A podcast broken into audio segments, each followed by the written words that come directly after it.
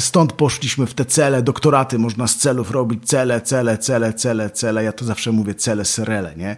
Cele nie motywują, jeśli nie masz czegoś, co jest jeszcze przed celem, czyli tej motywacji wewnętrznej. Cześć, ja nazywam się Dawid Straszak i mam przyjemność gościć Was w 35. odcinku podcastu Charyzmatyczny, który powstaje po to, by udowodnić, że charyzmy można się nauczyć, ponieważ mitem jest to, że trzeba się z nią urodzić. A gośćmi dzisiejszego odcinka są Roman Kawszyn oraz Adam Szaran, z którymi będę rozmawiał na temat motywacji wewnętrznej. W trakcie wywiadu będę pytał moich gości o to, czym jest motywacja wewnętrzna, a czym zewnętrzna – jak znaleźć swoją motywację wewnętrzną, nazywaną w trakcie tego wywiadu również wewnętrznym motywem albo sensem. Czy pieniądze nas motywują? Jeżeli tak, to w jakich sytuacjach? Jak delegować zadania, żeby wpływać na motywację osób, którym te zadania delegujemy. A na samym końcu dostaniecie gotowy, czteropunktowy przepis na to, w jaki sposób dotrzeć do swojej motywacji wewnętrznej. Adam i Roman to praktycy i trenerzy sprzedaży, którzy szkolą handlowców w całej Polsce. Autorzy książek, kursów online, audiobooków, podcastów, vloga, części goście w telewizji oraz twórcy jedynego w Polsce biznesowego wydarzenia teatralnego Teach Art. Całą ich twórczość można znaleźć na stronie alfianco.pl. Adam i Roman to jest porywający duet, pełen energii, który w przystępny i łatwy sposób tłumaczy psychologiczne aspekty funkcjonowania człowieka. A ja zapraszam Was do wysłuchania tego, czym chłopaki się ze mną podzielili. Miłego podcastu.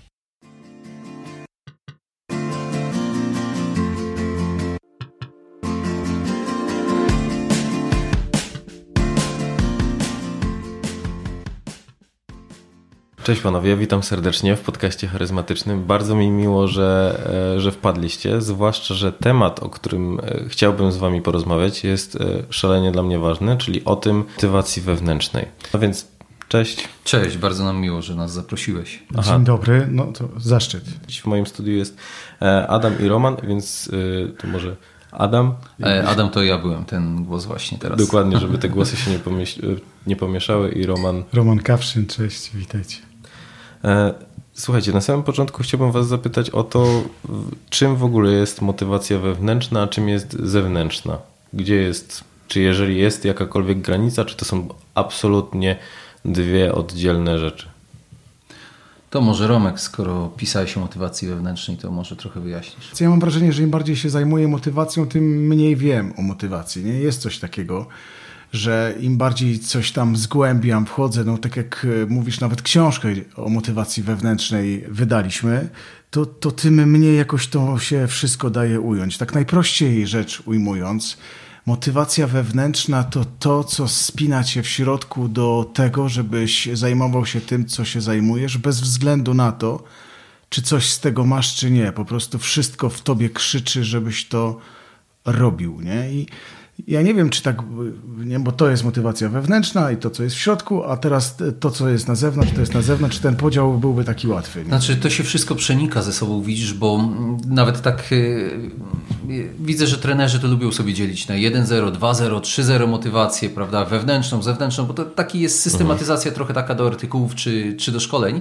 natomiast one się przenikają. Tutaj mm, to, o czym Romek mówi, ta motywacja wewnętrzna, to zakładamy, że generalnie chodzi o to, żeby człowiek sam znalazł sobie w jakimś sensie mm, powód do tego, żeby mu się chciało, tak? żeby to budował długofalowo, żeby rzeczywiście to było gdzieś tam związane z, z jego życiem, z jego mm, z jego własnymi jakimiś motywacjami. Natomiast motywacja zewnętrzna to zakładamy, że to jest ta, która gdzieś tam od zewnątrz ma spowodować, czyli pracodawca przychodzi i daje jakąś marchewkę, i ta marchewka ma spowodować, że ja będę działał. Nie? Czy, I teraz... Czyli chyba bardziej wspiera to, co, co, co było pierwsze źródłowe w tobie i to była motywacja wewnętrzna. Nie? Czyli jeżeli ty odkrywasz motywację wewnętrzną, swój wewnętrzny, ty to nazwałeś powód, pewnie o tym za chwilę jeszcze, za chwilę jeszcze o tym pogadamy, to, to cię jakby pochłania i e, popycha do działania. Natomiast potrzebujesz jako człowiek mieć takie zewnętrzne wsparcia, takie katalizatory, takie podparcia, takie rzeczy, które sprawią, że nie, e,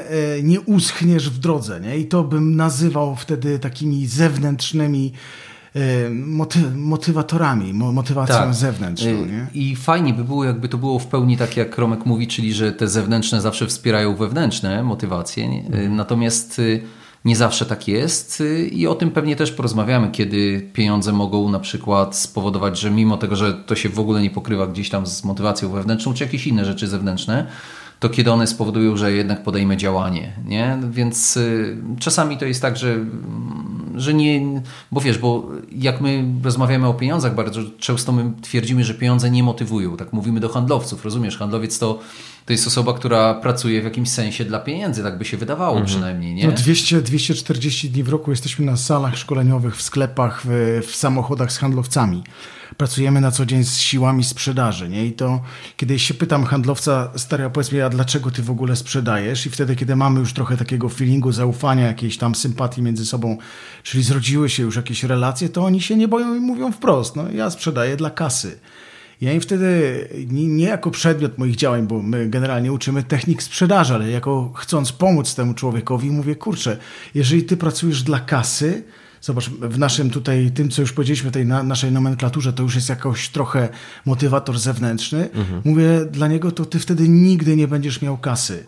Dlatego, że jeżeli ty pracujesz dla czegoś, co jest na zewnątrz ciebie, to jest to taka trochę pogoń za króliczkiem, który cały fan z króliczkiem polega na tym, że się za nim biegnie, a nie, że się go łapie. Że tej kasy zawsze ci będzie mało, że nawet kiedy będziesz miał, zobaczcie, gdybyśmy dzisiaj zarabiam 5 tysięcy, dajmy na to, to w, w 10 lat temu, kiedy zarabiałem 3, mówię, o, gdybym zarabiał 5, to byłoby super, nie? Dzisiaj zarabiam 5, mówię, gdybym zarabiał 20, to byłoby idealnie, nie? Za 5 lat zarabiam 20 i mówię, teraz już się zarabia 50 i mi jest ciągle, ciągle, ciągle mało, dlatego że jeżeli jako cel obstawiam coś, co jest na zewnątrz mnie, to to nie ma siły, żeby mnie w środku wypełniło, no bo to jest na mhm. zewnątrz, nie?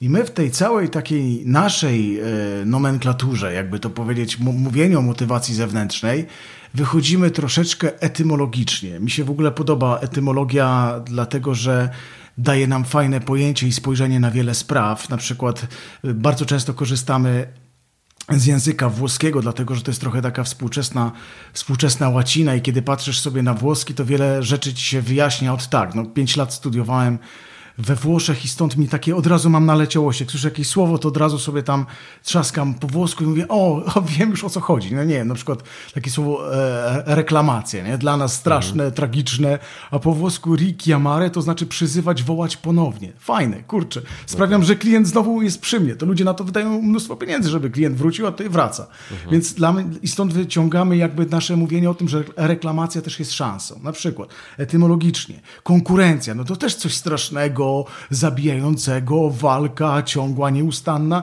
concorrere, correre z włoskiego biec, konzy, biec, biec razem, biegniemy razem w jakimś kierunku. Mhm. To jeszcze powiedz o, o, o nazwie waszej firmy. Alfianko. Alfianko to jest u boku, z boku. Okay. Z boku. Właśnie jesteśmy tymi, którzy towarzyszą siłą sprzedaży handlowcom. No i teraz jak sobie weźmiemy motywacja, jak zobaczysz, weźmiesz sobie motywacja, motywacjone, to fajnie w języku włoskim od razu to widać, że rzeczownik motywacjony. Ktoś może sobie powiedzieć, błysnął, nie? Moty, motywacja, motywacjony.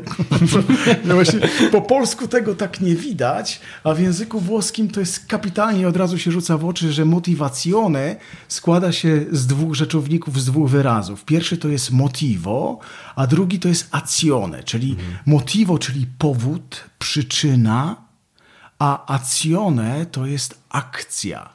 I tego k brakuje trochę w języku polskim, stąd nie widzimy tych dwóch wyrazów od razu. Czyli mamy powód i mamy akcja. I zobacz, że my jeżeli chodzi o motywację, szczególnie na przykład no my pracujemy z handlowcami, no nie zawsze, nie każdy zawód ma takie szybkie przełożenie na tą motywację zewnętrzną, ale właśnie y, u handlowców to jest takie bardzo y, takie popularne i, od, razu, od razu rzucające się w oczy. Koncentrujemy się na akcji, na działaniu, nie na tym, żeby, żeby, żeby coś robić, żeby planować. Zobacz, że my cały czas, y, jeżeli idziesz na jakieś szkolenie, gdzie na przykład mówi się o motywacji, szkolenie motywacyjne albo o motywacji, czy żeby się, to głównie kiedy zobaczysz pięciu, dziesięciu prelegencji, prelegentów na takiej konferencji, to o czym oni będą gadać?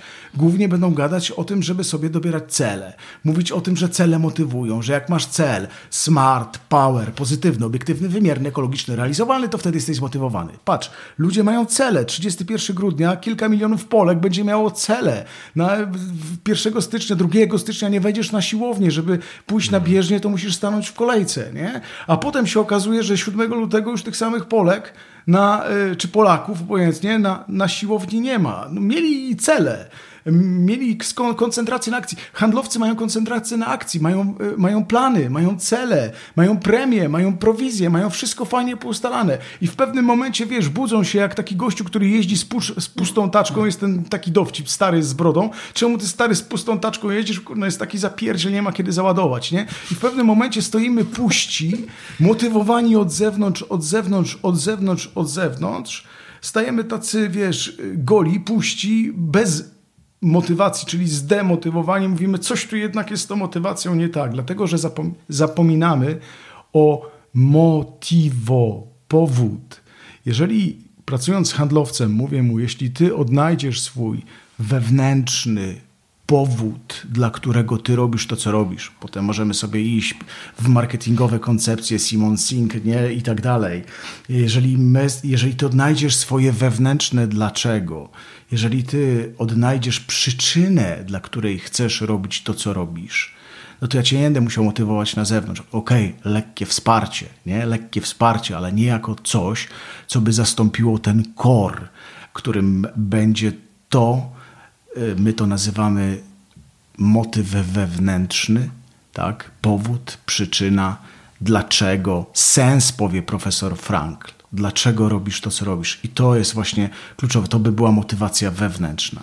Natomiast zewnętrzna byłaby tą, która gdzieś tam wspiera. Mhm. To teraz w jaki sposób pracować nad tą motywacją wewnętrzną? Bo o ile bardzo y, precyzyjnie określiłeś, jak jest z motywacją zewnętrzną, czyli są cele, są premie, to w jaki sposób dochodzić do tego, do tego swojego motywu wewnętrznego. Dla, jakie pytania sobie zadawać, czy gdzie w ogóle go szukać, czy to jest możliwe? No, kilka takich chyba założeń, które trzeba zrobić, żeby w ogóle zabrać się za poszukiwanie tego, e, tego jakby powodu. Tak, mhm. Tak, tak. Mówmy przyczyna, powód, no, motyw, Dobra. obojętnie. Ob, jak zwał my potrzebujemy, potrzebujemy takich kilka założeń. Pierwsze założenie to jest to, że, e, że coś takiego w ogóle jest, że coś takiego istnieje, nie? że istnieje coś takiego jak wewnętrzny powód. No musimy sobie to założyć, że to istnieje. Zresztą naprawdę szereg gdzieś tam, pewnie o tym też pogadamy, szereg gdzieś tam różnego rodzaju doświadczeń, eksperymentów, które gdzieś tam prowadzono, pokazywa pokazywały, że musi być taka siła wewnętrzna. Ja bardzo lubię takie doświadczenie na krezusach e, e, robione, czyli generalnie mamy już bardzo człowiekopodobne, że tak powiem, małpy. 1900, e, bodajże 48 rok, nie chcę, nie chcę tutaj czegoś tam, mówię to z dalekiej pamięci, Harry Harlow na jednym z uniwersytetów amerykańskich robi doświadczenie na krezusach, małpach, e, daje im zadanie, one mają układać taką układaneczkę, która polega na tym, że gwóźdź ma wejść tam pod klocek i się zamek ma zapiąć, coś mhm. takiego. No i małpy to robią. Małpy są w stanie się tego nauczyć i Harry Harlow wpada na pewnego rodzaju pomysł, mówi, mówi ty, to weźmy, nagrodźmy małpy, nie? Bo to, jest, to, jest, to dla niego było dziwne, że małpy to robią, dlatego że z sakami naczelnymi, i tak było do tego 1948 roku, byliśmy przekonani, że rządzą dwa jakby popędy, czyli motywatory. Nie? Dwa mhm. popędy, czyli jeden to jest, nie wiem, e, popęd nasz, czyli generalnie utrzymanie się przy życiu gatunku, a drugi no to, żeby nie zginąć, trzeba zjeść się, napić, czyli tego typu, tego typu motywatory nami gdzieś tam kierują. Potem będziemy mówili nagroda, kara, będziemy mówili o tej motywacji 1-0 i tak dalej. Natomiast dziwne, no bo małpy to robią, nie mając nic w zamian. Nie dostaną, ani sobie tam nie bzyknęły, ani nie zjadły i, i robią, nie? I robią, jak to jest możliwe. Więc wprowadzają coś takiego, jak nowy element w eksperymencie i dają jeszcze, dają jeszcze nagrodę, nie? Czyli małpa jak z, zrobi dobrze, to dostaje rodzynki, bo tam uwielbiały rodzynki. No i teraz, czy te rodzynki wpływają jakoś na jakość pracy małpy? Czy robi szybciej? Albo robi to sprawniej, w sensie dokładniej. No i co się okazuje? Okazuje się, że po tym, jak wprowadzono nagrodę do eksperymentu, czyli to, popęd, który do tej pory był znany, jakby nagradzamy cię za to, że coś tam robisz, albo robisz to dla czegoś, co jest gdzieś tam od zewnątrz, to małpy albo przestawały robić e, eksperyment, nie chciało im się, odchodziły, w ogóle zostawały, albo się myliły, robiły to dużo dłużej. E, ciekawe, e, Harry Harlow powiedział, musi istnieć w takim razie coś, co wtedy nazwał trzecią siłą. Nie? Musi istnieć coś takiego gdzieś tam w nas, czego jeszcze nie wiemy, co sprawia, że robisz to nie dla czegoś, co przychodzi z zewnątrz, ale dla czegoś, co przychodzi gdzieś tam ze środka. Potem pewnie kontynuacja, czy jakby potwierdzenie tego eksperyment Marshmallow, Marshmallow Test e, z Walter Mitchum gdzieś tam będzie udowadniało, podejrzewam to samo. Tylko musielibyśmy znowu o tym eksperymencie teraz pogadać. No, jeszcze. śmiało, bo ja i tak miałem o to pytać, więc. Tak? Tak. No to mamy 12 lat później, 1960 rok. Walter Mitchell mówi do Amerykanów: Hej, hey friends, mówi, chcecie, przyprowadźcie mi moje, swoje dzieci, a ja wam pokażę, czy są predestynowane do sukcesu.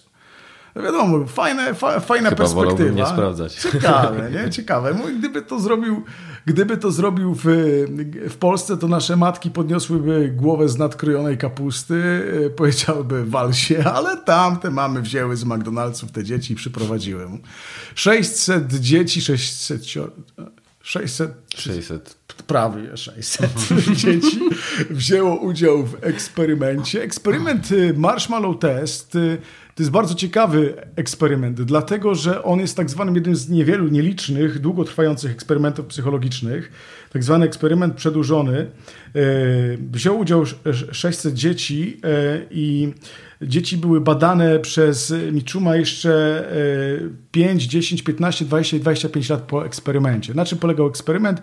Pewnie niektórzy ze słuchaczy kojarzą, bo reklama Haribo, chyba jedna ze współczesnych reklam Haribo się jakby odwzorowuje na tym teście e, Marshmallow. Mhm. Polegało to na tym, że kładziono przed dzieckiem w zamkniętym pomieszczeniu piankę Marshmallow, a wtedy lata 60. zeszłego wieku Amerykanie byli wariatami na punkcie marshmallowów. To było odkrycie, coś takiego jak dzisiaj dla nas nie wiem, dla naszych dzieci chipsy. Nie? To po prostu wariacja niesamowita. Te marshmallowy piekli na ognisku, jedli takie te pianki, kojarzycie marshmallowy, mhm. nie? Więc te oni piekli na ognisku, nad kuchenką gazową, wrzucali na, na wież do cappuccino, się z tego taka pianka robiła. Po prostu Amerykanie i dzieci, i dorośli szaleli na punkcie marshmallowów. Więc wykorzystał, Walter Mitchum wykorzystał yy, yy, marshmallowa. Po, położył piankę przed dzieckiem i mówi, przez 15 minut będziesz sobie siedzieć z pianką tutaj na talerzyku. Nie?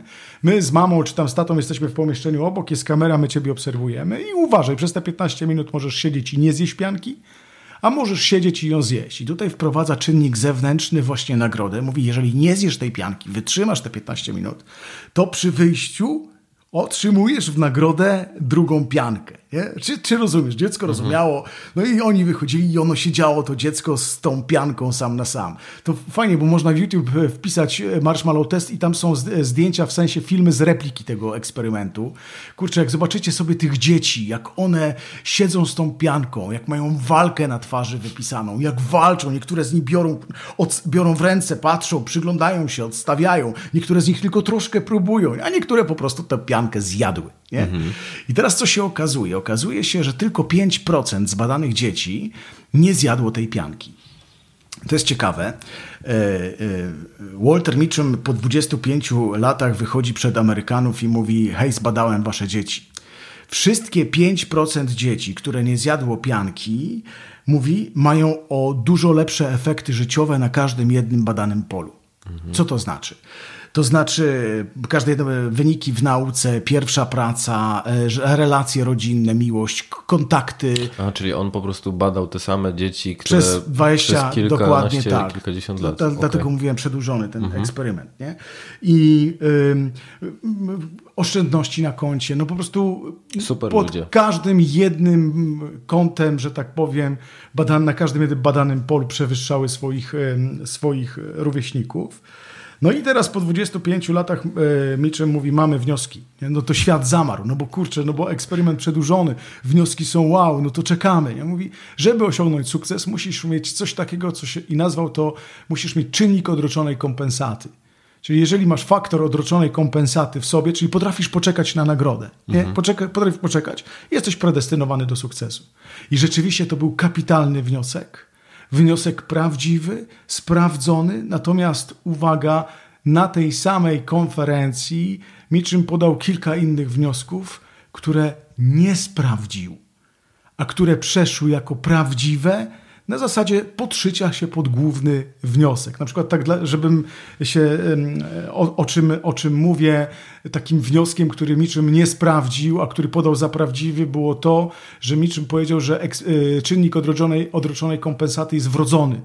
Jest czynnikiem wrodzonym, czyli albo to masz geny, tak, albo tego nie masz. No i świat to przyjął, że to jest prawda. My dzisiaj wiemy, już dzisiaj po latach wiemy, że to jest nieprawda. Że czynnik odroczonej kompensaty to jest y, kompetencja że możesz się tego nauczyć, nie? że kiedyś czegoś nie miałeś, a dzisiaj to masz, bo się tego nauczyłeś. I tak samo jest, nie potrafiłeś poczekać kiedyś, byłeś raptusem, a dzisiaj już wiesz, że warto poczekać. Nie wiem, na weselu ze szwagrem jesteś, kiedyś na weselu szwagier polewał, poszedłeś w tango i już wiesz, już się nauczyłeś. Nie? Warto jednak wcześniej bigosik, nie? tak zwany podkład. Nie? Nauczyłeś się, to można się pewnych rzeczy nauczyć. I teraz drugi wniosek, jeden z tych wniosków, o których mówię, których Mitchum nie sprawdził, a który podał za e, prawdziwy, było to, że on powiedział, co motywowało, co uruchamiało ten czynnik wewnętrzny, czyli co motywowało dzieci do tego, żeby się ten czynnik uruchomił, czy pytanie o motywację. No i on powiedział, e, takie pytanie mu zadano na konferencji, on powiedział, jak to, co oczywiście to jest jasne, druga pianka. Druga pianka, czyli to, że on dostał drugą piankę, to to nagroda z zewnątrz motywowała go do tego, żeby, żeby dziecko nie zjadło pianki. No i wtedy za- zadano mu kilka pytań, na które niestety nie potrafił udzielić odpowiedzi.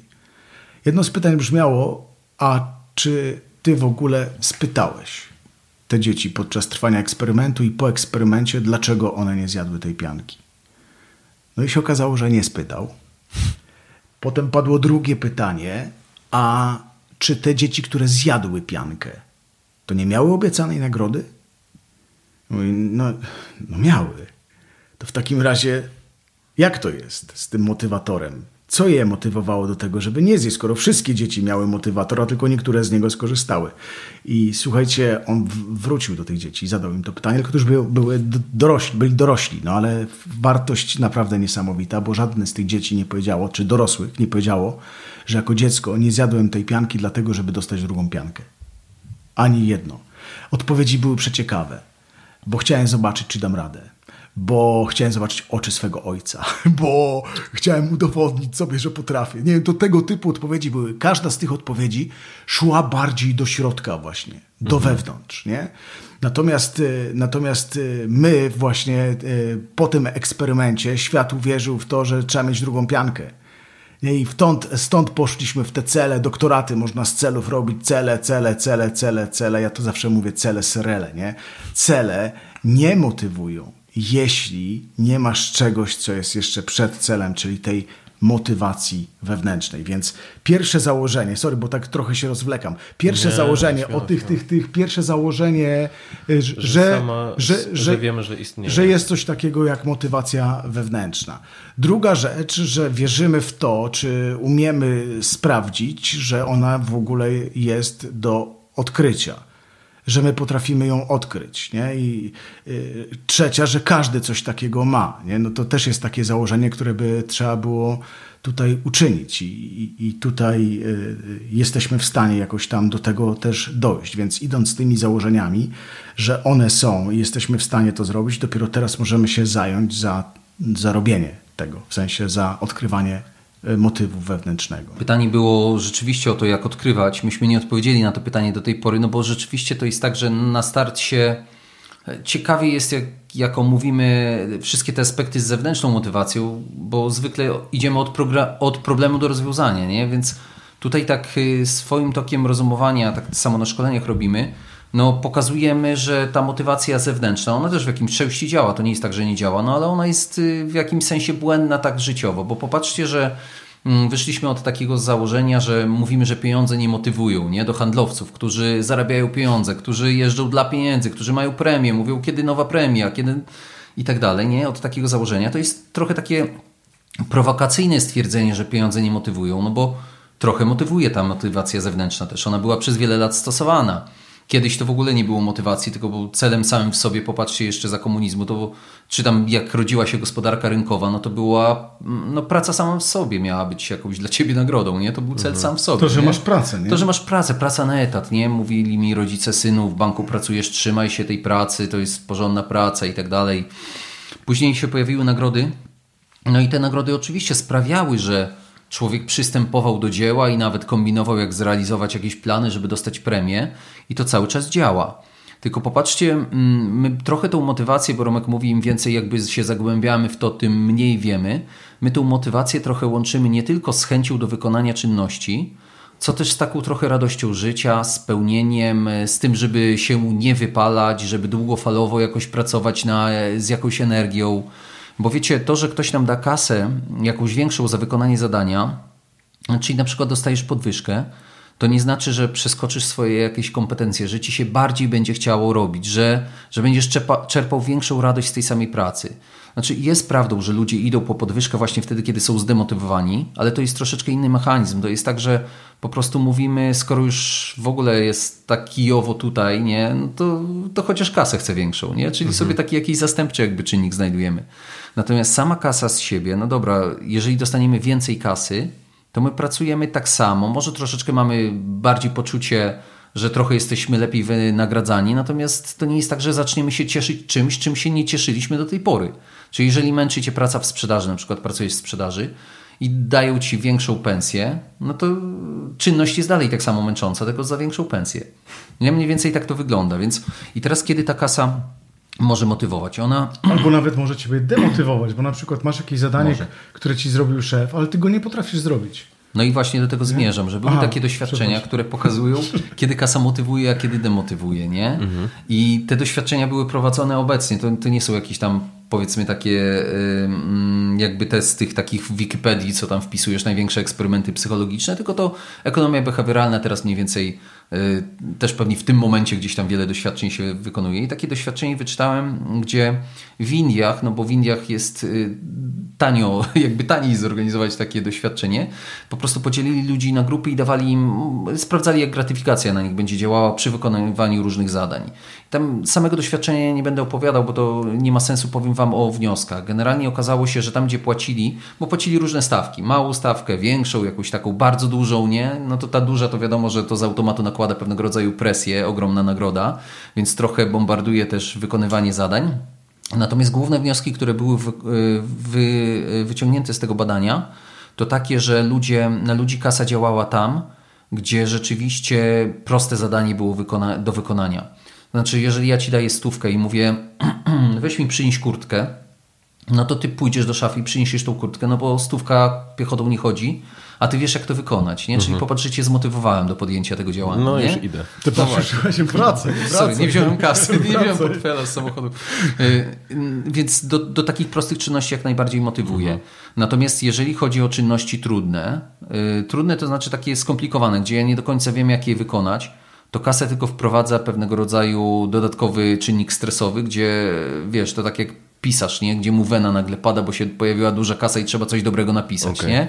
Więc tutaj rzeczywiście tak samo będzie przy skomplikowanych czynnościach. Jeżeli ja jestem handlowcem, ja nie wiem, jak się szuka klienta, a ktoś mi przyjdzie i powie, dobra, szukaj klienta, to ci podwoję, podwoję ci premię. No, ale ja nie wiem, jak to zrobić, kurczę, no nie wiem, nie? A, a szef mówi, no dobra, to potroję ci pensję. No to on dalej nie wie. Rozumiesz, że, mhm. że to tylko wprowadza pewnego rodzaju zamęt, nie? Z drugiej strony rzeczywiście kasa może też to, co Romek mówił w tych doświadczeniach, w jakimś sensie zniszczyć e, e, radość z tego, co robimy, nie? No bo mówi się, że zamień pasję na swoją pracę, nie? Zamień pasję na swoją pracę i wtedy nigdy nie, będziesz, nie przepracujesz ani dnia. Tylko tutaj jest pewnego rodzaju też pułapka, no bo zaczynamy to, co było naszą pasją, zaczynamy robić dla pieniędzy, teraz jeżeli zaczynamy robić dla pieniędzy, no to zmieniamy jakby kierunek skupienia. Popatrz, że z wewnętrznego czynnika, który, czyli z jakiejś radości z wykonywania danej pracy bądź bądź z jakiejś mm, pasji do tego, z, no, z jakichś czynników takich rzeczywiście, które były we mnie, przenoszę punkt uwagi na gratyfikację. Mhm. Nie? Czyli robię coś dla pieniędzy. I nagle, jeżeli się robi coś dla pieniędzy, to zaczyna się określać wartość, czy to jest y, mój wysiłek był adekwatny do tych pieniędzy, czy nie był adekwatny do tych pieniędzy, i w jakimś sensie zaczynamy tracić chęć do wykonywania danego zadania. Ono zaczyna nas męczyć, dlatego że jeżeli e, jedynym sensem, no przy, jeszcze przy tych pasjach, no to tak to tam może do końca nie stracimy, nie przeniesiemy całkowicie sensu na pieniądze, nie? Mhm. Natomiast jeżeli jedynym sensem w pracy na przykład stawałyby się pieniądze, czyli ja mnie męczy to, co robię, jedynym sensem staje się, stają się pieniądze, to wszystko staje się bez sensu. Wszystko inne. Wszystko inne staje się bez sensu, nie? A te pieniądze, no to ktoś zaraz obok może zrobić większe, czyli ty dostałeś podwyżkę, mówimy o podwyżkach, nie? Ty dostałeś podwyżkę 5 stów, cieszysz się jak dziecko, mówisz, kurde, 5 stów, to ja sobie tutaj będę coś... E, w ciągu roku to jest kurczę, 6 koła. 6 koła, koła to jest tak. wyjazd z narzeczoną dziewczyną do Egiptu. Mówisz, wow, wow, wow. wow. No i nagle patrzysz do kolegi obok przez ramię, on dostał 600 zł i mówisz, kurde, Tomek 600? W czym ja jestem gorszy od Tomka? Kto jak to, ale Tomek, no halo, nie? I zaczynasz się denerwować, nie? Czyli popatrz, że tutaj jest bardzo wymierny taki czynnik na zewnątrz. Te wewnętrzne nie są takie wymierne, nie? To są jakieś rzeczy związane z... No do, do nich przejdziemy, to zostawimy jako smaczek, rozwiążemy tą zagadkę jeszcze, bo zapewne słuchacze też mówią, jak to znaleźć, to wewnętrzne, już, już ich tam pewnie korci, nie? Siedzą i podskakują. Natomiast to oczywiście, no tak, no dobra, nie wiem, w samochodzie podskakują. Przepraszamy na wertepach, na Tak sobie wyobraziliśmy, że tak Państwo się Nie, nie, bo, bo rzeczywiście, bo to tak jest, że jeżeli człowiek, no bo to wszyscy czujemy, nie? Że te zewnętrzne ok, no to my biegniemy za tym, ok, nawet sobie coś z tego tam czasami kupię, nawet mnie cieszy kasa, no każdego cieszy kasa, my pracujemy też w jakiejś części dla pieniędzy, nie? Mhm. Natomiast co z tego, że tą kasę dostajemy, jeżeli kurczę jesteśmy nieszczęśliwi z, z zakresu wykonywanych zadań, że tak powiem, nie? Czyli mówimy o tym, że jeżeli człowiek dostaje pieniądze, a ma życie porozbijane, nie? Ma życie porozbijane, to na drugi dzień budzi się, ma podwyżkę, nie? Czyli ma 600 więcej na koncie, ale życie ma tak samo porozbijane. Nie? I teraz jeżeli ty miałeś życie porozbijane, no to, to budzisz się tak samo nieszczęśliwy. No dobra, przez chwilę jest szczęście po, po tym, jak pojawia się jakaś kasa, nie? Ale drugiego miesiąca człowiek się przyzwyczaja, trzeciego już mu znowu jest za mało, nie? I jeżeli życie mamy porozbijane, to ono jest tak samo porozbijane, tylko z sześcioma stołami więcej. I chodzi o to, że to nie pieniądze życie układają. Czy pieniądze to jest tylko przykład, bo to może być, to mogą być inne gratyfikacje, to może mhm. mogą być awanse, wycieczki i tak dalej. To nie pieniądze życie układają, tylko ty układasz życie. Jeżeli ty dobrze pokładasz życie, sprawisz, że tu i teraz jesteś w stanie cieszyć się z tego, co robisz, to z automatu pojawia się dużo większa kasa, czyli to jest odwrotny mechanizm niż my zwykle mówimy, nie? My mówimy, będziemy szczęśliwi, jak będziemy więcej zarabiać, a to jest na odwrót, nie? Że będziesz więcej zarabiał, jak będziesz szczęśliwy, nie? Jeżeli tu i teraz potrafisz wyrobić sobie takie podejście do swojej pracy, że ci się po prostu chce, no to z automatu twoja praca nabiera nowego wymiaru. Mało tego, w ludziach neurony lustrzane przecież reagują, czyli my mówimy w sprzedaży, szczególnie u handlowców, że żeby zapalać drugiego człowieka, to musisz sam najpierw płonąć, nie? No jest, to jest słynny cytat. I słuchajcie, a my spotkamy na swoich salach ludzi, którzy już nie płoną, którzy robią to, co robią, no i robią to, no bo tak, no bo potrzebują pracy, potrzebują pieniędzy i tak dalej i robią to i potrafią to robić, ale już stracili radość z tego, nie? I spotykamy ludzi, którzy są po prostu wypaleni. I teraz jest tak, że ja czasami, oni mają płonąć, nie? No bo czasami on, jak ktoś płonie, czyli wiecie, jest taki zapalony do swojego produktu, do swojej pracy, no to po prostu dużo nie musi mówić, a ten mhm. drugi człowiek już to będzie odczuwał, no, neurony lustrzane mu zareagują, nie? A my patrzymy na tych ludzi, oni nie płoną, oni mają wszystko, żeby płonąć, ale nie płoną, oni co najwyżej dymią, tak po, i czasami jak chcą pokazać, że oni płoną, nie? No to się napinają, ale jak dymią i się napinają, to co najwyżej tak popierdalują takimi indiańskimi kółeczkami. My widzimy, że oni chcą, ale im nie wychodzi, nie? Bo gdzieś to stracili.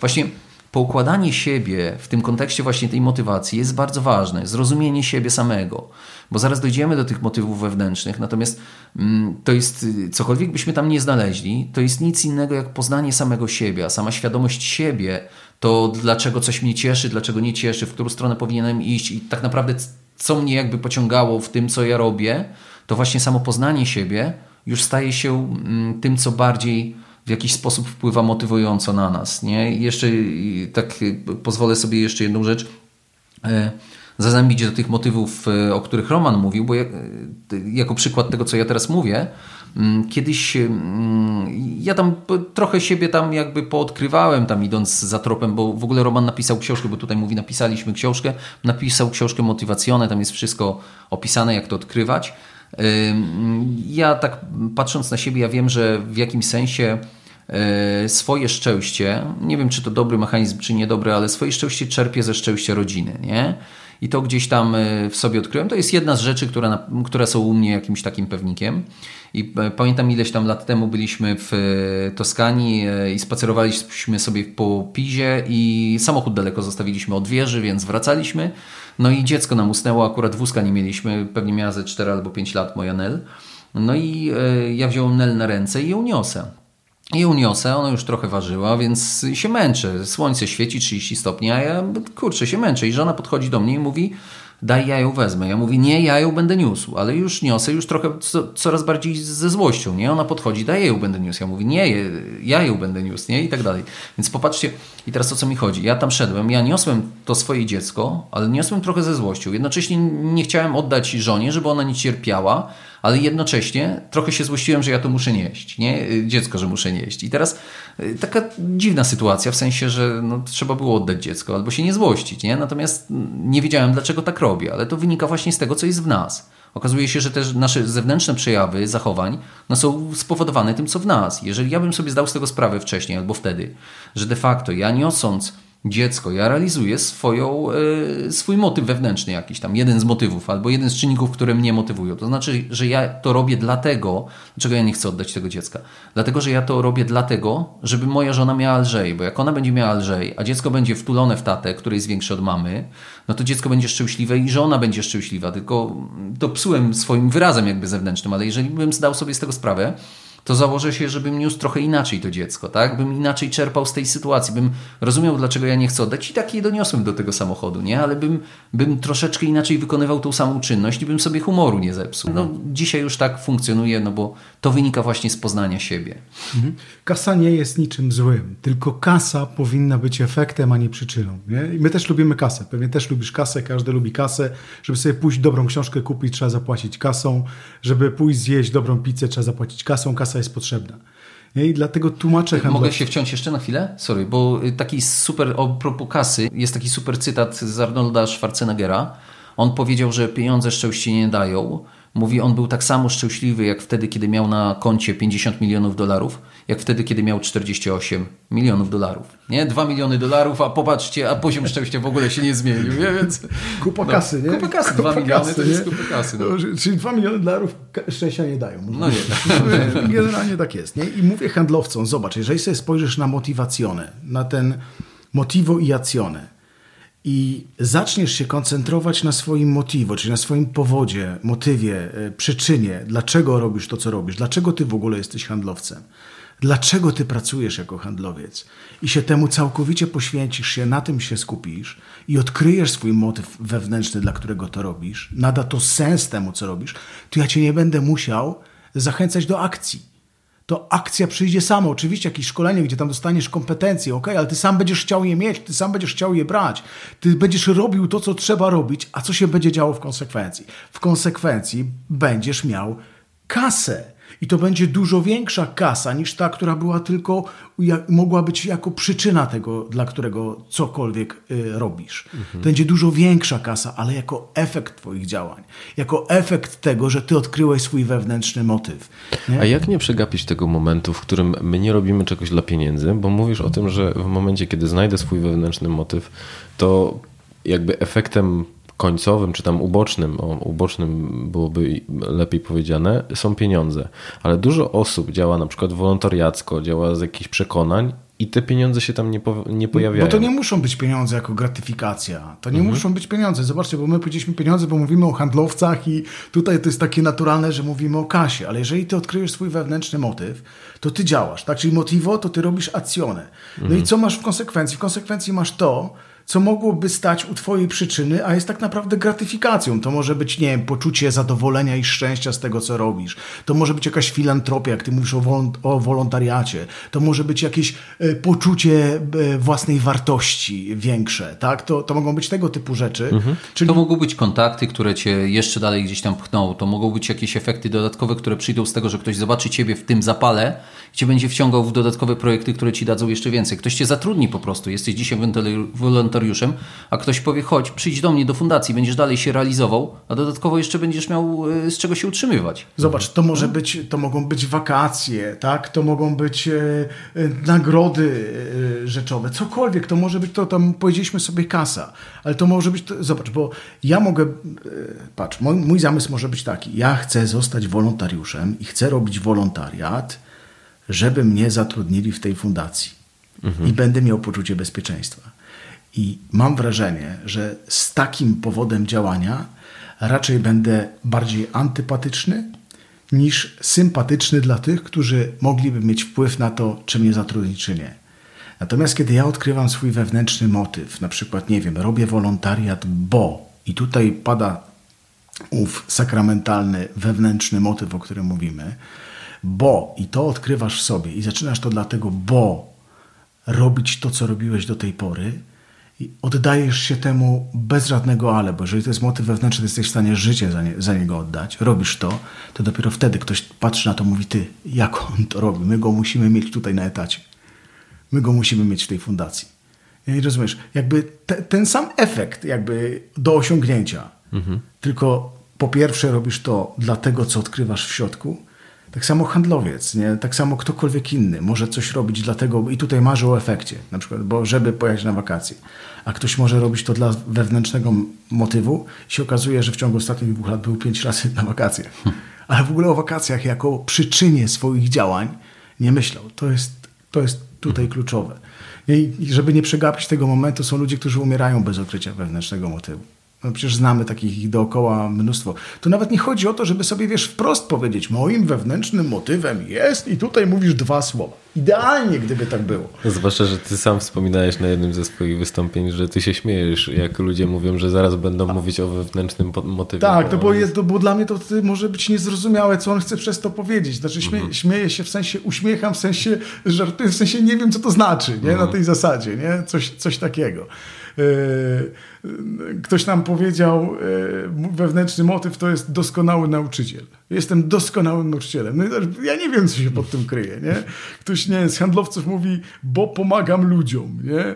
Ja odkrywam swój wewnętrzny motyw, bo jestem energią miłości. No i patrz, ktoś z zewnątrz na to patrzy, mówi, albo mówi idiota, albo się śmieje, albo mówi, ty no powiedz coś więcej, nie? No bo to jest, wiesz, jak ja coś już mówię i definiuję to jako wewnętrzny motyw, no to ja, y, to ja mm, rozumiem, o co mi chodzi. I mało tego, mało tego, ja na przykład definiując swój wewnętrzny motyw jako energię miłości i ty definiując swój wewnętrzny motyw jako energię miłości, mamy na myśli zupełnie co innego, bo ja jestem zwolennikiem takiej teorii, a to jest moja teoria, a jak moja, to, to wierzę w nią, że jest dobra.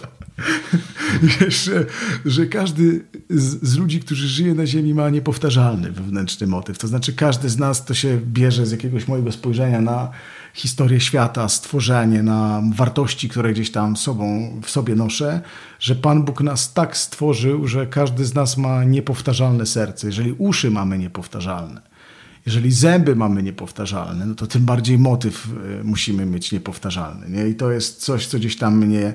I bez tego. I teraz zobacz, są ludzie, którzy nigdy tego motywu nie odkryją. Są tacy ludzie i to są ludzie, którzy są, y, ale uwaga, ale według niego żyją. Rozumiesz, czyli realizują go. To jest, ja o nich mówię, biorąc, em, biorąc tutaj trochę się gdzieś tam zapożyczając z, te, z teologii. Uwielbiam, moją pasją jest teologia. Jest taki teolog, już nie żyje, Karl Rahner, e, żył w XX wieku i on wprowadził takie pojęcie anonimowi chrześcijanie. Że na przykład buddyści to są anonimowi chrześcijanie. Ludzie, którzy są ateistami, to są anonimowi chrześcijanie, bo oni tak i tak w serce mają wpisane dobro, czyń, zła unikaj, prawo naturalne, nie? Anonimowi chrześcijanie. I biorąc pod uwagę tą jego koncepcję, którą tutaj tak szybciutko wytłumaczyłem, ja uważam, że są, lu, lu, są ludzie, którzy są anoni, anonimowymi nosicielami wewnętrznego powodu. To znaczy, że oni nie wiedzą, jaki to jest powód. Nikt im tego nie objawił, do tego nie doszli, ale żyją w zgodzie z tym wewnętrznym powodem. No ja ich właśnie na wzór Renera nazywam anonimowi nosiciele wewnętrznego powodu. A są ludzie, którzy go odnajdują i nie żyją według niego. Oni prędzej czy później będą zdemotywowani. Nie? Czyli mamy tych, którzy są zmotywowani, bo odkryli powód i według niego żyją. Są ci, którzy są zmotywowani, bo nie odkryli powodu, ale i tak według niego żyją. No i są ci, którzy go odkryli albo nie odkryli, ale według niego nie żyją. Prędzej czy później dotknie, dotknie takich ludzi coś, co my nazywamy demotywacją, czyli bezsens. No bo sens, motyw, sens, bez sens działań. Są ludzie, no, ma rodzinę, ma wszystko, ma dzieci, ma dla kogo żyć, wszystko jest jasne, oczywiste, ma poukładaną pracę, budzi się rano, otwiera oczy, mówi nie wstaj. Mhm. Akurat Romek, jakie ma podejście, wynika, że ja to tak przynajmniej rozumiem, że mm, powinniśmy znaleźć główny motyw, znaczy nie główny, motyw swój wewnętrzny i że on jest jakimś rysem twoim i że to jest pojedyncze, nie? Ja trochę patrzę na to szerzej, e, to znaczy, że ja być może dlatego, że jeszcze nie znalazłem jednego takiego, który mógłbym powiedzieć ten i żaden inny, ja patrzę na to jako na poznanie samego siebie i że mm, ja uważam, że tam jest dużo motywów w nas i że ja sam gdzieś tam na palcach przynajmniej jednej ręki mógłbym gdzieś tam wypełnić te palce, nie? Czyli, że ja wam powiedziałem, że ja wiem, że wewnątrz Y, że moja radość będzie, jakby, że czerpię radość z radości rodziny. Ja mam tego świadomość, więc tak realizuję życie, żeby rzeczywiście, jak chcę sobie zapewnić radość, no to patrzę też na rodzinę. Niektórzy to metakomunikat, y, metaprogramem, inni nazywają, no po prostu tak mam. Z drugiej strony mam sobie motyw wolności, no bo ja dużo decyzji życiowych, które podejmuję, podejmuję zostawiając sobie pewnego rodzaju wolność. Ja lubię się czuć wolnym. Mhm. Więc wiedząc, znając ten motyw, mogę podjąć odpowiednią, jak ma stoi przede mną coś do wyboru, pojechać tam albo tam, albo wziąć taką pracę albo taką, takie zlecenie albo takie, no to w jakimś sensie wiem, w którym się będę lepiej czuł, bo znam swoje właśnie wnętrze, znam te właśnie motywy wewnętrzne i tak dalej, i tak dalej. Natomiast teraz patrząc na to, przypomina się mi, co też czasami mówię, kiedyś słuchaliśmy e, podcastu jakiegoś, w którym występował mm, Jacek Santorski i on mówił, że był na szkoleniu jakimś e, takim z, no chyba z jakimiś mnichami buddyjskimi czy coś takiego, on wschodnimi tam się no i tam zadał mu jeden z mnichów, to było takie szkolenie jakby dwu, trzydniowe, coś takiego i zadał mu do rozwiązania jakoś, e, to się jakoś nazywa, nie wiem czy koan, czy nie, nie chcę tutaj terminologii urzucać, której nie znam, natomiast zagadki dawali takie tym uczestnikom szkolenia. Zada zadanie, nie? Zadanie, które, z którym oni mieli chodzić, medytować i przyjść po pewnym czasie i i rozwiązać to zadanie, a on dostał zadanie, co, jaki musi być, jaki musi być drzewo, żeby się nie złamać na, y, na żadnym wietrze. Tak? W sensie, że nawet podczas ogromnej wichury, nie? trąby powietrznej, jakie powinno być drzewo. On chodził z tym zadaniem parę dni, wrócił, on wymyślił w końcu. Nie? Wrócił, stanął bardzo mocno na nogach dwóch i zaczął górną częścią ciała bardzo mocno rzucać w prawo i lewo. No i mnich powiedział zaliczam, nie? No i poszedł dalej. I to jest trochę symbolem tego, że jeżeli korzenie są mocne, to ich góra jest bardzo elastyczna nie? i góra, góra wytrzyma. I to mi się tak podobało, że teraz jak y, gdzieś myślę o motywach wewnętrznych, jak, jak rozmawiamy o motywacji z ludźmi, jak, y, jak mamy swoje spektakle motywacyjne nie? i na koniec tam im wyjaśniamy też jeszcze trochę, co się działo na scenie, y, to powiem Ci, że ten, że właśnie to jest takie dla mnie przenośnie do tego, że musi znać swoje wartości, musi znać swoje korzenie, czyli właśnie wartości, motywy wewnętrzne, dlatego że wtedy w czasie życia będziesz bardziej elastyczny, będziesz się tym życiem bardziej mógł cieszyć, będziesz mógł bardziej z niego korzystać. Decyzje, które będziesz podejmował, one będzie, będzie ci łatwiej je podjąć, a prawdopodobnie decyzja podjęta w oparciu o to, że ty znasz ten swoje korzenie, czyli znasz wartości, znasz motywy, znasz to, co, cię, co jest zgodne z tobą, no to przez to ta decyzja też będzie prawdopodobnie dobra. Nie? Przynajmniej będziesz miał takie przekonanie, więc będziesz trochę inaczej działał. I tak to mniej więcej w życiu działa, więc ja bym patrzył, nawet jeżeli ktoś nie będzie w stanie doprowadzić swojego motywu do jednego hasła, które, które będzie determinowało to, co e, jakby co tam się kryje w nim, no to nawet jeżeli odkry... tak sobie uświadomi, wypisze, co nim motywuje, w czym się dobrze czuje, nie? no to, to też będzie bardzo, bardzo pomocne, bo popatrzcie, są rzeczy pewnego rodzaju uniwersalne. Bardzo często ludzie wracają do nas. Ja bardzo często, jak do Romka podchodzą, to słyszę, jak mówią, że oni odkryli, dziękują za, za książkę, która jest y, głęboka, która jest y, y, jakby pchająca taka do przodu, nie? pomaga odkrywać siebie. Tam są też generalnie recepty na to, jak, jak, jak odkryć właśnie te motywy wewnętrzne. I bardzo często widzę, że ludzie mówią, że odkryli motyw wewnętrzny i mówią, moim motywem wewnętrznym jest pomagać innym. Szczególnie w przypadku trenerów. Mówią pomagać innym, w przypadku handlowców pomagać innym. I to jest super motyw. Tylko kurczę, tak sobie, tak mi zaiskrzyło coś w głowie, czy te motywy w jakimś sensie nie są uniwersalne y, dla człowieka.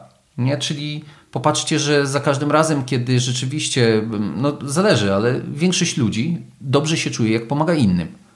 E, uruchamia się szlak dopaminominergiczny, nie? Tam czujemy się dobrze, bo pomogliśmy innym, nie? I bardzo często prowadzimy to do, do takiego motywu, jak pomoc innym i dobrze do tego, że e, albo wolność. Wolność też się powtarza. Ja mówię wolność, ale już parę razy słyszałem, że wolność to jest motyw e, tam kogoś, kogoś z moich kolegów.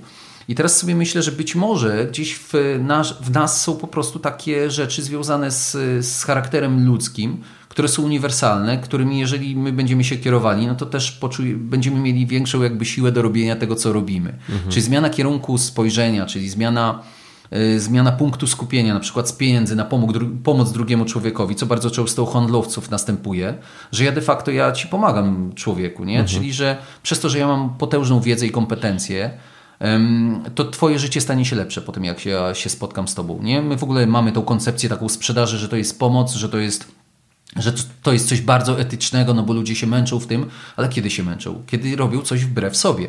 Kiedy czują, że naciągają innych ludzi. A my mówimy, to jest etyczne. Wystarczy się kierować dobrem drugiego człowieka, pomocą mu i tak dalej. Jeżeli ty jesteś przekonany, że masz takie kompetencje, że dzięki kontaktowi z tobą ta druga osoba zyskuje, że ona nawet jeżeli przekonasz do czegoś droższego, i ty potrafisz to zrobić. Po to są ci te kompetencje, obrony ceny, prezentacja oferty. Jeżeli ty potrafisz to zrobić, no to ta druga osoba za, kurczę, za miesiąc albo już na drugi dzień będzie mówiła, kurczę, dobrze, że spotkałem tego handlowca, a nie innego, bo, bo rzeczywiście on nie potrafił przekonać do czegoś, co jest dla mnie dobre, no to wtedy ci się inaczej pracuje. Wtedy ty zupełnie z inną się, siłą podchodzisz, nie? Natomiast popatrzcie, że to w jakiś sensie jest trochę uniwersalne, że są pewne rzeczy, w które możemy strzelać w ciemno, nie? że one zadziałają, nie? takie jak właśnie mówię, wolność czy, czy, e, czy pomoc drugiemu człowiekowi, które są generalnie związane z tym, co jest w nas, w naszych organizmach. I taką rzeczą uniwersalną, która też dotyczy motywacji, która bardzo często jest też omawiana gdzieś na szkoleniach, mm, to jest poczucie sensu. Nie, to popatrzcie, no to, to jest ta koncepcja, którą tutaj wyjaśniamy. Nie? No, motyw jest po to, żeby życie się nie stawało bez sensu. Nie? Natomiast to poczucie sensu też w drugim kierunku można spojrzeć, że bardzo często ono jest nam usuwane. Znaczy, ludzie lubią się w coś angażować. Angażują się w różnego rodzaju projekty w pracy. I teraz, jeżeli Twój projekt nagle zostanie przez menedżera zniszczony, że tak powiem, no to człowiek, czyli zabrany zostaje Ci sens, to z automatu mamy Y, czujemy demotywację. Mało tego, czujemy złość, czyli w momencie, kiedy, mm, kiedy my nie mamy sensu albo sens zostanie zabrany, no to rzeczywiście się trudniej pracuje. I to z kolei kolejne doświadczenie pokazuje, gdzie dzieciom poprosili dzieciaki, żeby składały roboty. I to było e, to było tak, wprowadzana była jakaś gratyfikacja finansowa, chodziło o to, że narastała ta gratyfikacja, za każdy kolejny dostawali e, e, kolejną kasę, natomiast tam nie chodziło o to, czy działa kasa, czy nie działa kasa, tylko mierzyli, ile tych robotów dzieci zrobią. I teraz dzieci robiły w pierwszym wariancie robiły roboty, a naukowiec odbierał robota z klocków Lego. Odbierał robota, podziwiał, stawiał na parapet i mówił: Robisz kolejnego? I dzieciak mówi: Robi. Robię na przykład. I sprawdzał, kiedy mu się znudzi, nie? Robienie mm -hmm. tych robotów. I tam robiły średnio, dajmy na to, 9 robotów, na przykład te dzieci. A w drugim wariancie został wprowadzony wariant Syzyfa Czyli po tym, jak dziecko robiło robota, naukowiec brał, podziwiał, mówił robisz kolejnego, dzieciak mówił robię kolejnego, a naukowiec wtedy rozkładał robota na czynniki pierwsze i wkładał do pudełka, które za chwilę miał podsunąć do robienia kolejnego robota. Mhm. I w momencie, kiedy dzieci to widziały, nie, chociaż z tego co kojarzę właśnie to nie tylko dzieci, to była i młodzież i chyba nawet y, był wariant też z ludźmi dorosłymi. Tak czy inaczej, za każdym razem, kiedy wprowadzano wariant Syzyfa, w którym na oczach tej osoby, która tam pracuje nad czymś, co ją nawet cieszy, chociaż i dla gratyfikacji mogła pracować, wszystko jedno, to w momencie, kiedy zabierany został sens, no bo jaki jest sens? Jak on rozkłada to, co ja zrobiłem? Kurczę, moją pracę, już teraz, na czynniki pierwsze. Za każdym razem, kiedy zabierany był sens, no to robili dużo mniej robotów, nie? Czyli dużo mniej jakby byliśmy chętni do wykonywania zadań w momencie, kiedy, kiedy rzeczywiście te zadania nie czuliśmy sensu. I to jest jedna z rzeczy, które dzisiaj się na przykład na szkoleniach y, takich zarządzania uczy, w podejściu do młodych ludzi, bo ci młodzi ludzie, e, ty też chyba jesteś z tego pokolenia takich tak. tych e, właśnie biorców, nie? To są młodzi ludzie, my się śmiejemy trochę, tak ja czasami proszę o to, żeby tam e, podnieśli ręce ci, co się urodzili, no już wystarczy, że się urodził ktoś w roku 90 i dalej w stronę 2000, nie? Czyli mhm. pokolenie Y, Z, nie? Te zwane millennialsami tam i tak dalej. To są pokolenia biorców, no bo oni się wychowali w takich czasach, gdzie wszystko łatwiej przychodziło w jakimś sensie. E, łatwiej się na studia dostać, można pracować tu, można za granicą i tak dalej. A rodzice trochę leczyli swoje jakieś takie psychologiczne, powiedzmy, braki, czy generalnie chodzi o to, że kiedyś, skoro nie było na rynku za dużo rzeczy, no to jakby jak już się pojawiło możliwość kupowania zabawek dziecku czy poprawiania życia swojego dziecka, to ja nie chciałem, żeby moje dziecko doznało tego, co ja doznałem. Mhm. I stąd się pojawił taki mechanizm trochę, że ja zabezpieczałem życie swojego dziecka. Już się zaczęło wtedy, kiedy za komunizmu najważniejszą rzeczą, żeby wybudować dom, to były znajomości. No bo materiały były jak były znajomości, ale nie, ja nie wiem, czy mój syn będzie miał znajomości, czy moja córka będzie miała znajomości. To ja, ja buduję dom, to buduję od razu pięterko dla niej i dla niego. Nie? Czyli daję. Nie? Oni się uczą brać. I teraz te pięterka dzisiaj, jak popatrzycie na wsiach, są takie relikty właśnie komunizmu, to znaczy, że tamtych czasów i właśnie tego zjawiska, że dzisiaj te domy stoją puste. To znaczy, rodzina mieszka w podpiwniczeniu, a puste piętro na pierwsze dla córki, a drugie dla syna. Nie? I one stoją i straszą jakby po wsiach te domy, nie? Ale mhm. to właśnie jest symbol tego, jak to rodzice chcieli zapewnić byt dzieciom i to się tam zaczęło. I te, szczególnie, to taki tak na marginesie mówię, szczególnie w przypadku tych pokoleń, które dzisiaj są, one nie prac, praca nie jest celem samym w sobie. Dzisiaj ludzie się patrzą, co ja w tej pracy będę miał, czy ja się będę w niej zmieniał, co ja mogę więcej. Czyli mhm. rzeczywiście ta motywacja wewnętrzna, szczególnie w przypadku tych pokoleń, które są biorcami, oni chcą wyciskać życie jak cytrynę. Rozumiesz, że ludzie wstają z rana, nie wiem, czy masz taki tatuaż, ale kiedyś podobno tak robiło to pokolenie YOLO. Nie YOLO, you only live once. Nie żyjesz tylko raz, to musisz czerpać z życia, wyciskać go jak cytrynę. Z, z tego powodu jakby ludzie bardziej patrzą właśnie w tym kierunku, o którym cały czas tutaj rozmawiamy. Czyli ja, co ja będę miał więcej z pracy, co, czy ja będę się zmieniał, czy ja się będę stawał lepszy każdego dnia, czego się nauczę. Tego typu rzeczy są bardzo ważne. Teraz uczy się przy delegowaniu na przykład, że jak delegujesz jakikolwiek obowiązek na, na człowieka, jakieś zadanie, jak delegujesz, to kiedyś się po prostu mówiło masz i wykonaj, nie? I czasami się rzucało na głęboko wodę. Dzisiaj to nie pójdzie. Moja koleżanka, która tam y, przedstawicielami medycznymi zarządza, ona mówi, dzisiaj to nie jest. Kiedyś mi mówili jedź i, i sprzedawaj. Wchodzisz, tam się nauczysz, nie? Dzisiaj nie, ale on mówi, ale jak? No i ona musi mu pokazać, pojechać z nimi pokazać. Czyli dzisiaj się deleguje zadanie w taki sposób, że mówisz, co ma zrobić, mówisz, jak ma zrobić dany pracownik, prosisz go o powtórzenie, no bo przecież nie może zaufać, że on zrozumiał, bo on powie, rozumiesz, rozumiem.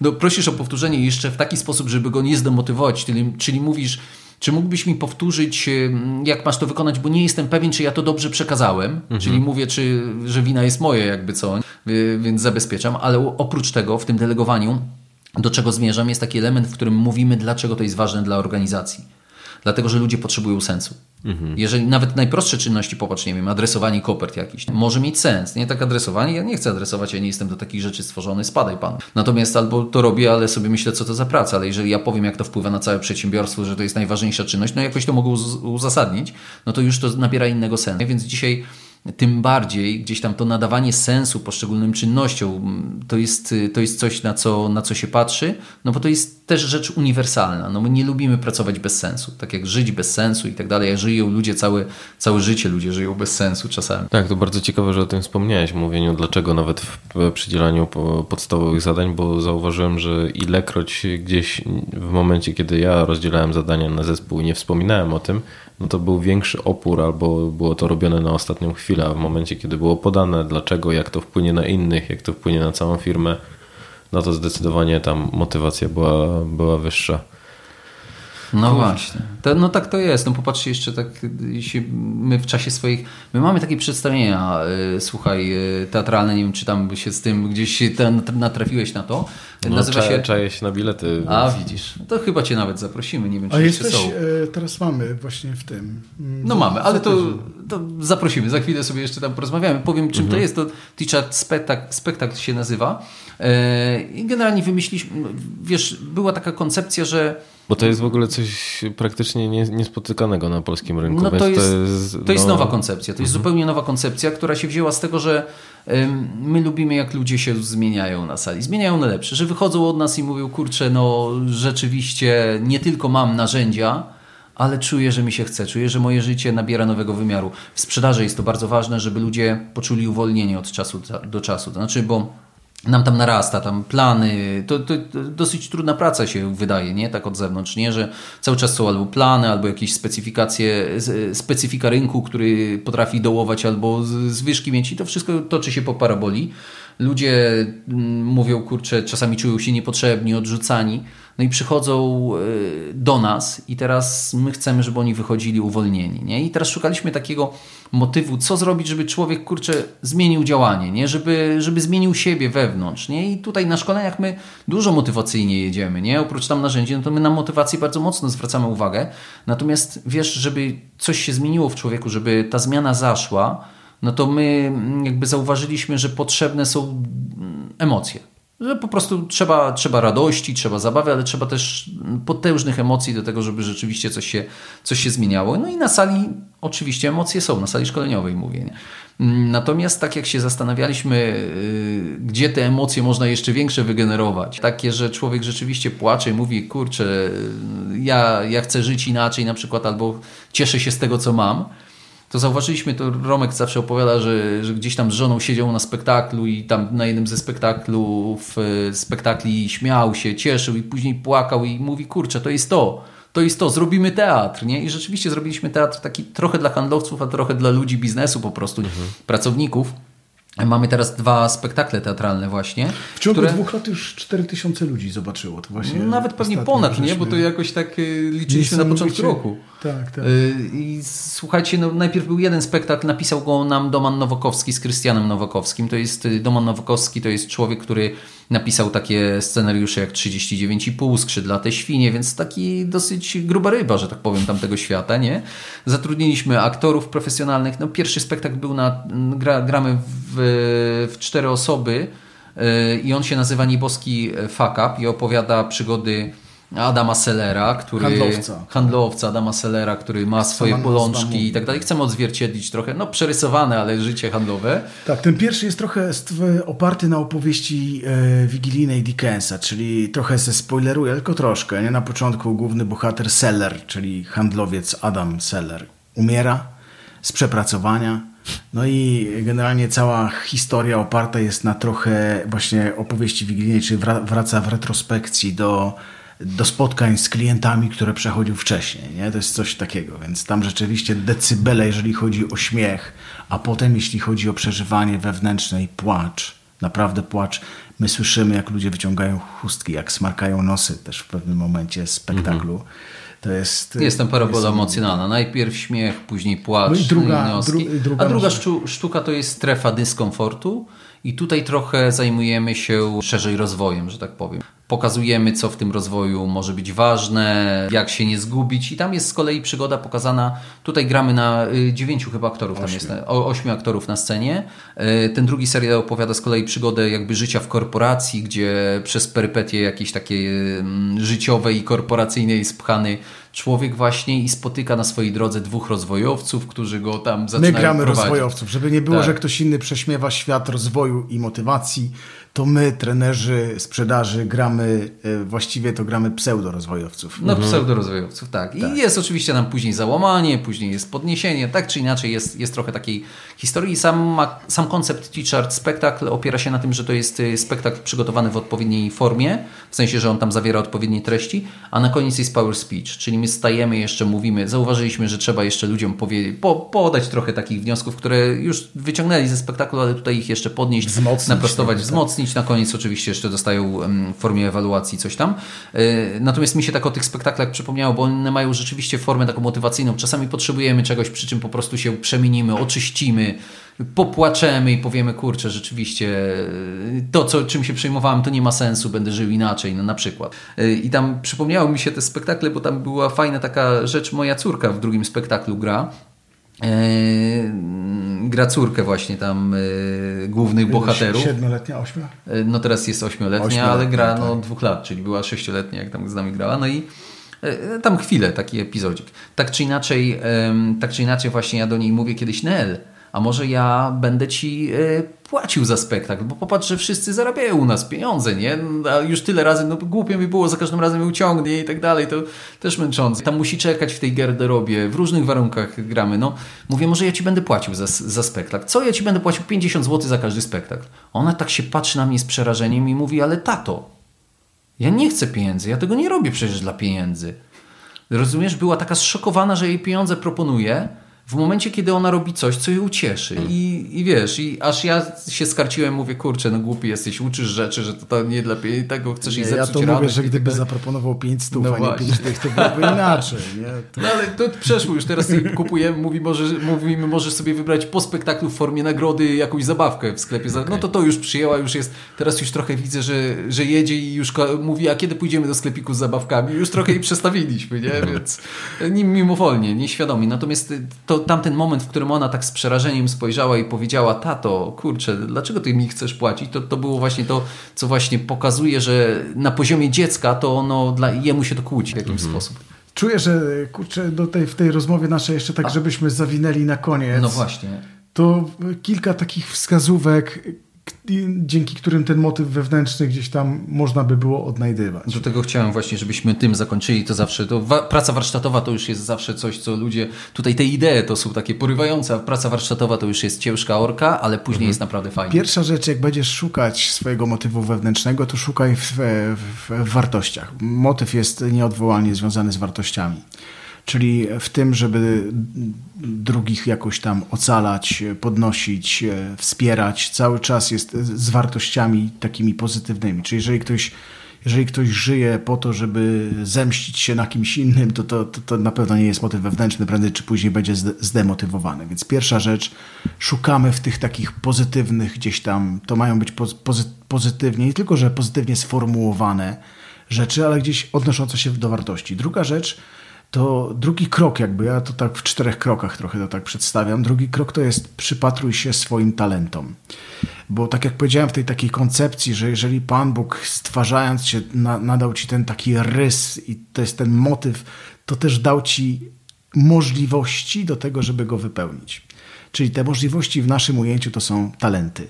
Nie? Czyli obojętnie jakąkolwiek sobie ktokolwiek nie przyjmie mm, nomenklatury talentowej. Nie?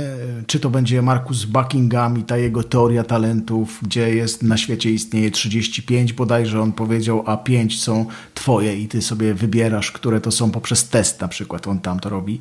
Obojętnie, ale to jest coś takiego. Jeżeli byśmy zaraz zrobili, wyobraźmy sobie takie zadanie, że tutaj wchodzimy do tego pomieszczenia, taki quiz telewizyjny, masz pięć różnych przedmiotów i po tych przedmiotach masz odkryć, co jest twoim zadaniem w tym pomieszczeniu. Tak prosta rzecz. Czy wchodzisz, jest wiadro, woda, e, płyn do zmywania podłogi i mop. To łatwo powiedzieć. Mhm. Moim zadaniem będzie pozmywać podłogę. Nie? Jest... I właśnie te takie talenty to są te takie narzędzia, po których możesz stwierdzić, co jest twoim zadaniem. Czyli jeżeli twoim talentem, ty, talentem, czyli takim flow, które ty odnajdujesz, jest na przykład, że w takie, gdzie ty się zatracasz, jest godzina druga w nocy, mówisz ja.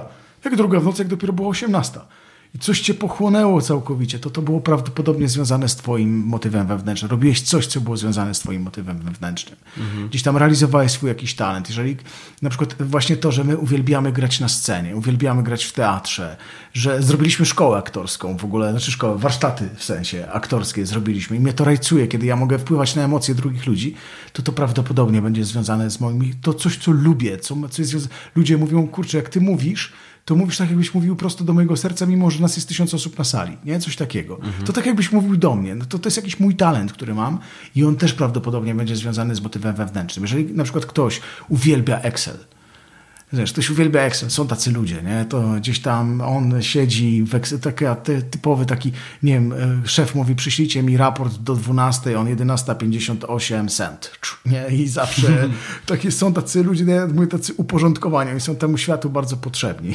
jakoś tak. To, to prawdopodobnie jego motywem wewnętrznym nie będzie przemawianie do innych i w, w zapalanie, ale będzie jakoś porządkowanie tego świata w tym kierunku, gdzieś tam by to by to szło. Trzeci krok to, to przypatruj się swoim strachom, a szczególnie jakiemuś największemu strachowi, który posiadasz, który jest w tobie. Mhm. Przepraszam, nie pamiętam nazwiska, Canfield. Canfield powiedział, że wszystko to, co kochasz, jest po drugiej stronie twojego strachu. Ja to parafrazuję. Mówię, twój motyw wewnętrzny, trochę tutaj idę za Fabianem Boszkiewiczem, mówi, twój mo motyw wewnętrzny jest po drugiej stronie twojego strachu. Znaczy, my sobie to tak wyobrażamy, że jedna strona strachu, tam są jakieś drzwi i tam będzie za tymi drzwiami. Nie, po drugiej stronie to tak jakby, jakbyś spojrzał na oś. Jeżeli z tej strony osi jest twój największy strach, to z drugiej strony osi jest totalne jego przeciwieństwo jakby. I to, to, będzie, to będzie prawdopodobnie coś związane z twoim motywem. Mało tego, na tym etapie już może dojść do nazywania tego motywu. Czyli na przykład, jeżeli twoim motywem wewnętrznym, twoim strachem e, Największym strachem jest to, że ty spadniesz samolotem, jak lecisz. Są tacy ludzie, mają taką fobię, nie wchodzą do samolotu, bo spadną. Nie są tacy ludzie, nie? To ty sobie musisz zadać pytanie, czego tak naprawdę się boisz, kiedy ty spadasz. Nie? Co to jest to spadanie samolotem? Co ono dla ciebie znaczy?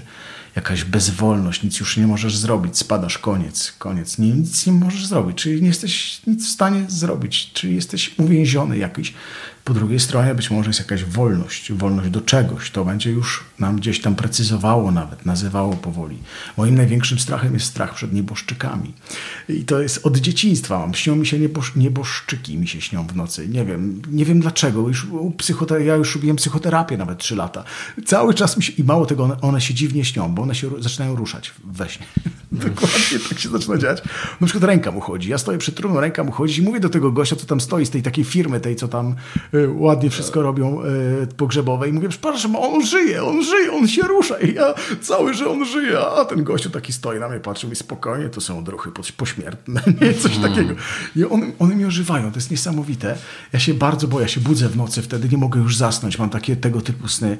Nieboszczyk to jest jakaś tam... I kiedy odkrywałem swój motyw wewnętrzny, to człowiek, który mnie prowadził, mówi, zobacz, to jest ewidentne przeciwieństwo życia. Powiedziałbym mm -hmm. jeszcze więcej. Nieboszczyk to jest taki bezład jakiś. To jest już taka rozkład. Rozkład. Już, co jest przeciwieństwem rozkładu. Myśmy doszli, że energia. A czego nieboszczyk najbardziej nie może zrobić, co najbardziej mógł zrobić za życia? I tutaj mi wpadło od razu pierwsze słowo. To są bardzo ważne odruchy, te pierwsze słowa, które wpadają. Właśnie mówię miło, miłość kurczę, mówi, ty jesteś energią miłości. Ja mówię, tak, ja jestem energią miłości. Mówię do ludziom, to się śmieją, a ja naprawdę jestem przekonany, że to jest mój motyw wewnętrzny, mm -hmm. w tym sensie, że słuchaj, jak ja wracam ze szkolenia, a widziałem ludzi na koniec szkolenia, którzy się wzruszali, płakali, którzy zaczynali rozumieć siebie.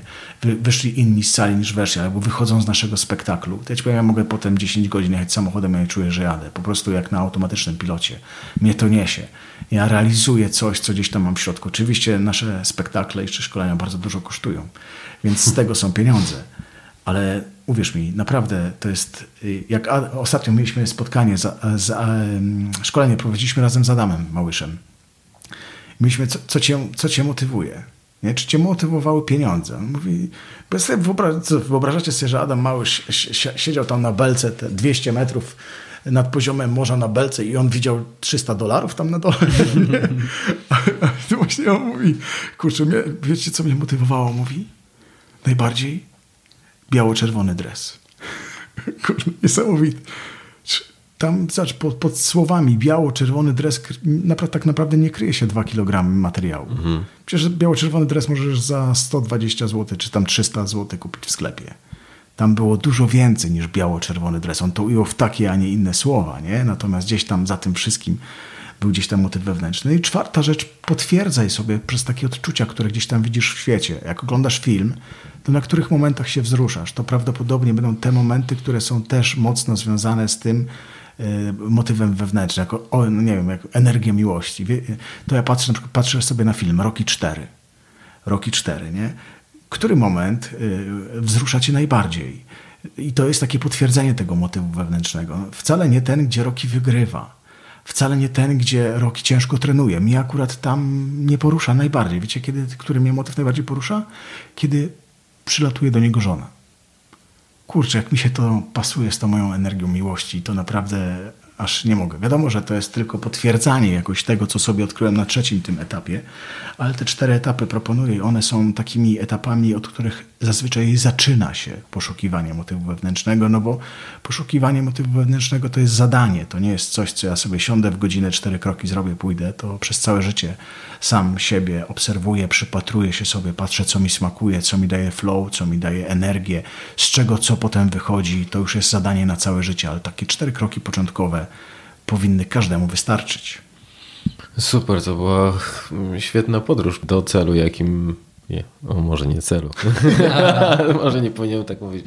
Do tej nie, motywacji wewnętrznej. Cele nie, nie są takie, żeby jeszcze tak sprostować. Cele nie są nic, niczym złym, mhm. jeśli służą nam tylko do tego, żebyśmy rzeczywiście dobrze pilotowali zadanie. W sensie, że one są potrzebne gdzieś tam w życiu. One poprawiają naszą efektywność, natomiast tutaj one nie sprawiają, że my jesteśmy bardziej zmotywowani. Pieniądze też są fajne. O ile rzeczywiście nie są naszym punktem skupienia. Albo ewentualnie, jeżeli się łączą rzeczywiście z tym motywem wewnętrznym, pomagają go też realizować, też nie będzie.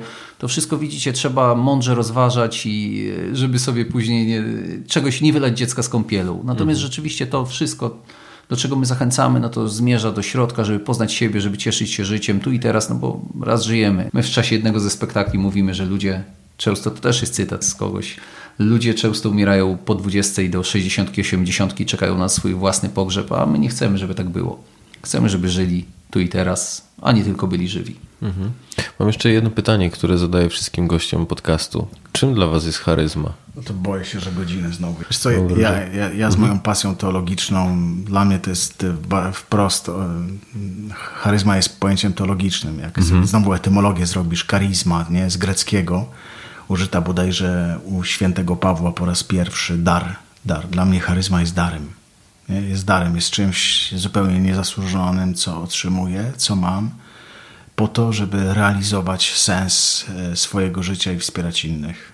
To jednym zdaniem chciałeś. Tak Super, jest. dzięki. Adam? Ja też muszę, ojej. Dobrze, wiesz co, nie wiem czym jest charyzma, natomiast y, jakbym miał tak określać, y, jakby poznawać charyzmę, to bym poznawał ją po efektach, że ludzie za tobą idą, że chcą przebywać z, z tobą, słuchać ciebie i że oni twierdzą, że to co, to, co ty robisz albo to, co ty mówisz, że zmienia ich samych, więc bardziej tak na efekty się kieruję, kiedy rzeczywiście widzę, że ktoś ma charyzma. A skąd to się wzięło? Czy to jest do wyćwiczenia, czy nie?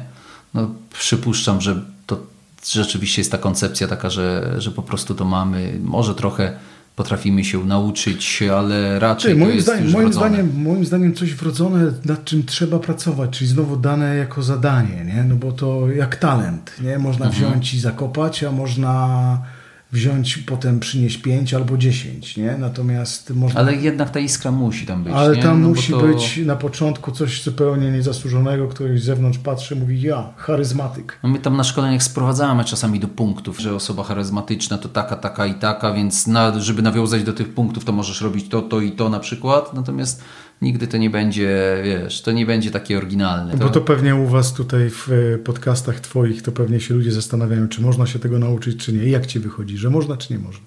Można, ale powiedziałbym, że to są ludzie, którzy mają, że są tacy, którzy w ogóle się tego nie nauczą, czyli tak charyzmatyczna, charyzma mokrego mopa, którzy nieważne na jakich mhm. ilu szkoleniach by byli, to nic im to nie da.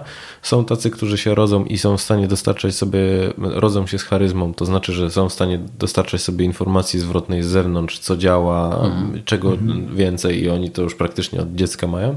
A są tacy, którzy no powiedzmy są między dwójką a ósemką na skali dziesięciostopniowej, no i oni mogą w jakiś sposób przesunąć się trochę wyżej. Ciekawe, to wszystko przed nami, zobacz. No właśnie, no, nawet myślę, można, można myślę, by było być wy... średnim, byleby się przesuwać tam o parę procent, to też jest taka fajna koncepcja, że nie musimy być najlepsi, ale jak mm. się o parę procent w prawo przesuwamy w kierunku tych najlepszych, to też już pewnie pokonujemy większą, większą część tych słabych. Dokładnie. Dobra, to dziękuję bardzo, że, że, że wpadliście do, do podcastu. To było bardzo motywujący odcinek. To my dziękujemy. Dziękujemy za bardzo zaproszenie. Dziękujemy. Pozdrawiamy wszystkich bardzo serdecznie. Dziękujemy, że nas słuchaliście. To Dzięki. dla nas bardzo ważne. Dzięki.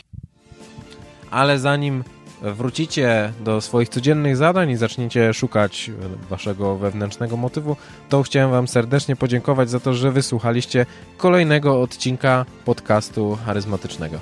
Jeżeli bylibyście zainteresowani, co się z nim dzieje w międzyczasie, to zapraszam na social media, na Facebooka, na LinkedIn, na Twittera i na Instagram. Jeżeli mógłbym mieć do Was jedną prośbę, to chciałbym Was prosić o to, żebyście pomyśleli o jednej osobie, której ten odcinek podcastu mógłby się przydać albo spodobać. No i wysłać go do niej. Dzięki temu ja będę docierał do coraz to większej ilości osób, a być może Wy pozytywnie wpłyniecie na czyjeś życie. No i to wszystko z mojej strony. Wszelkie notatki znajdziecie na stronie dawidstraszek.pl. No i do usłyszenia w następnym odcinku. Dzięki, że jesteście. Cześć.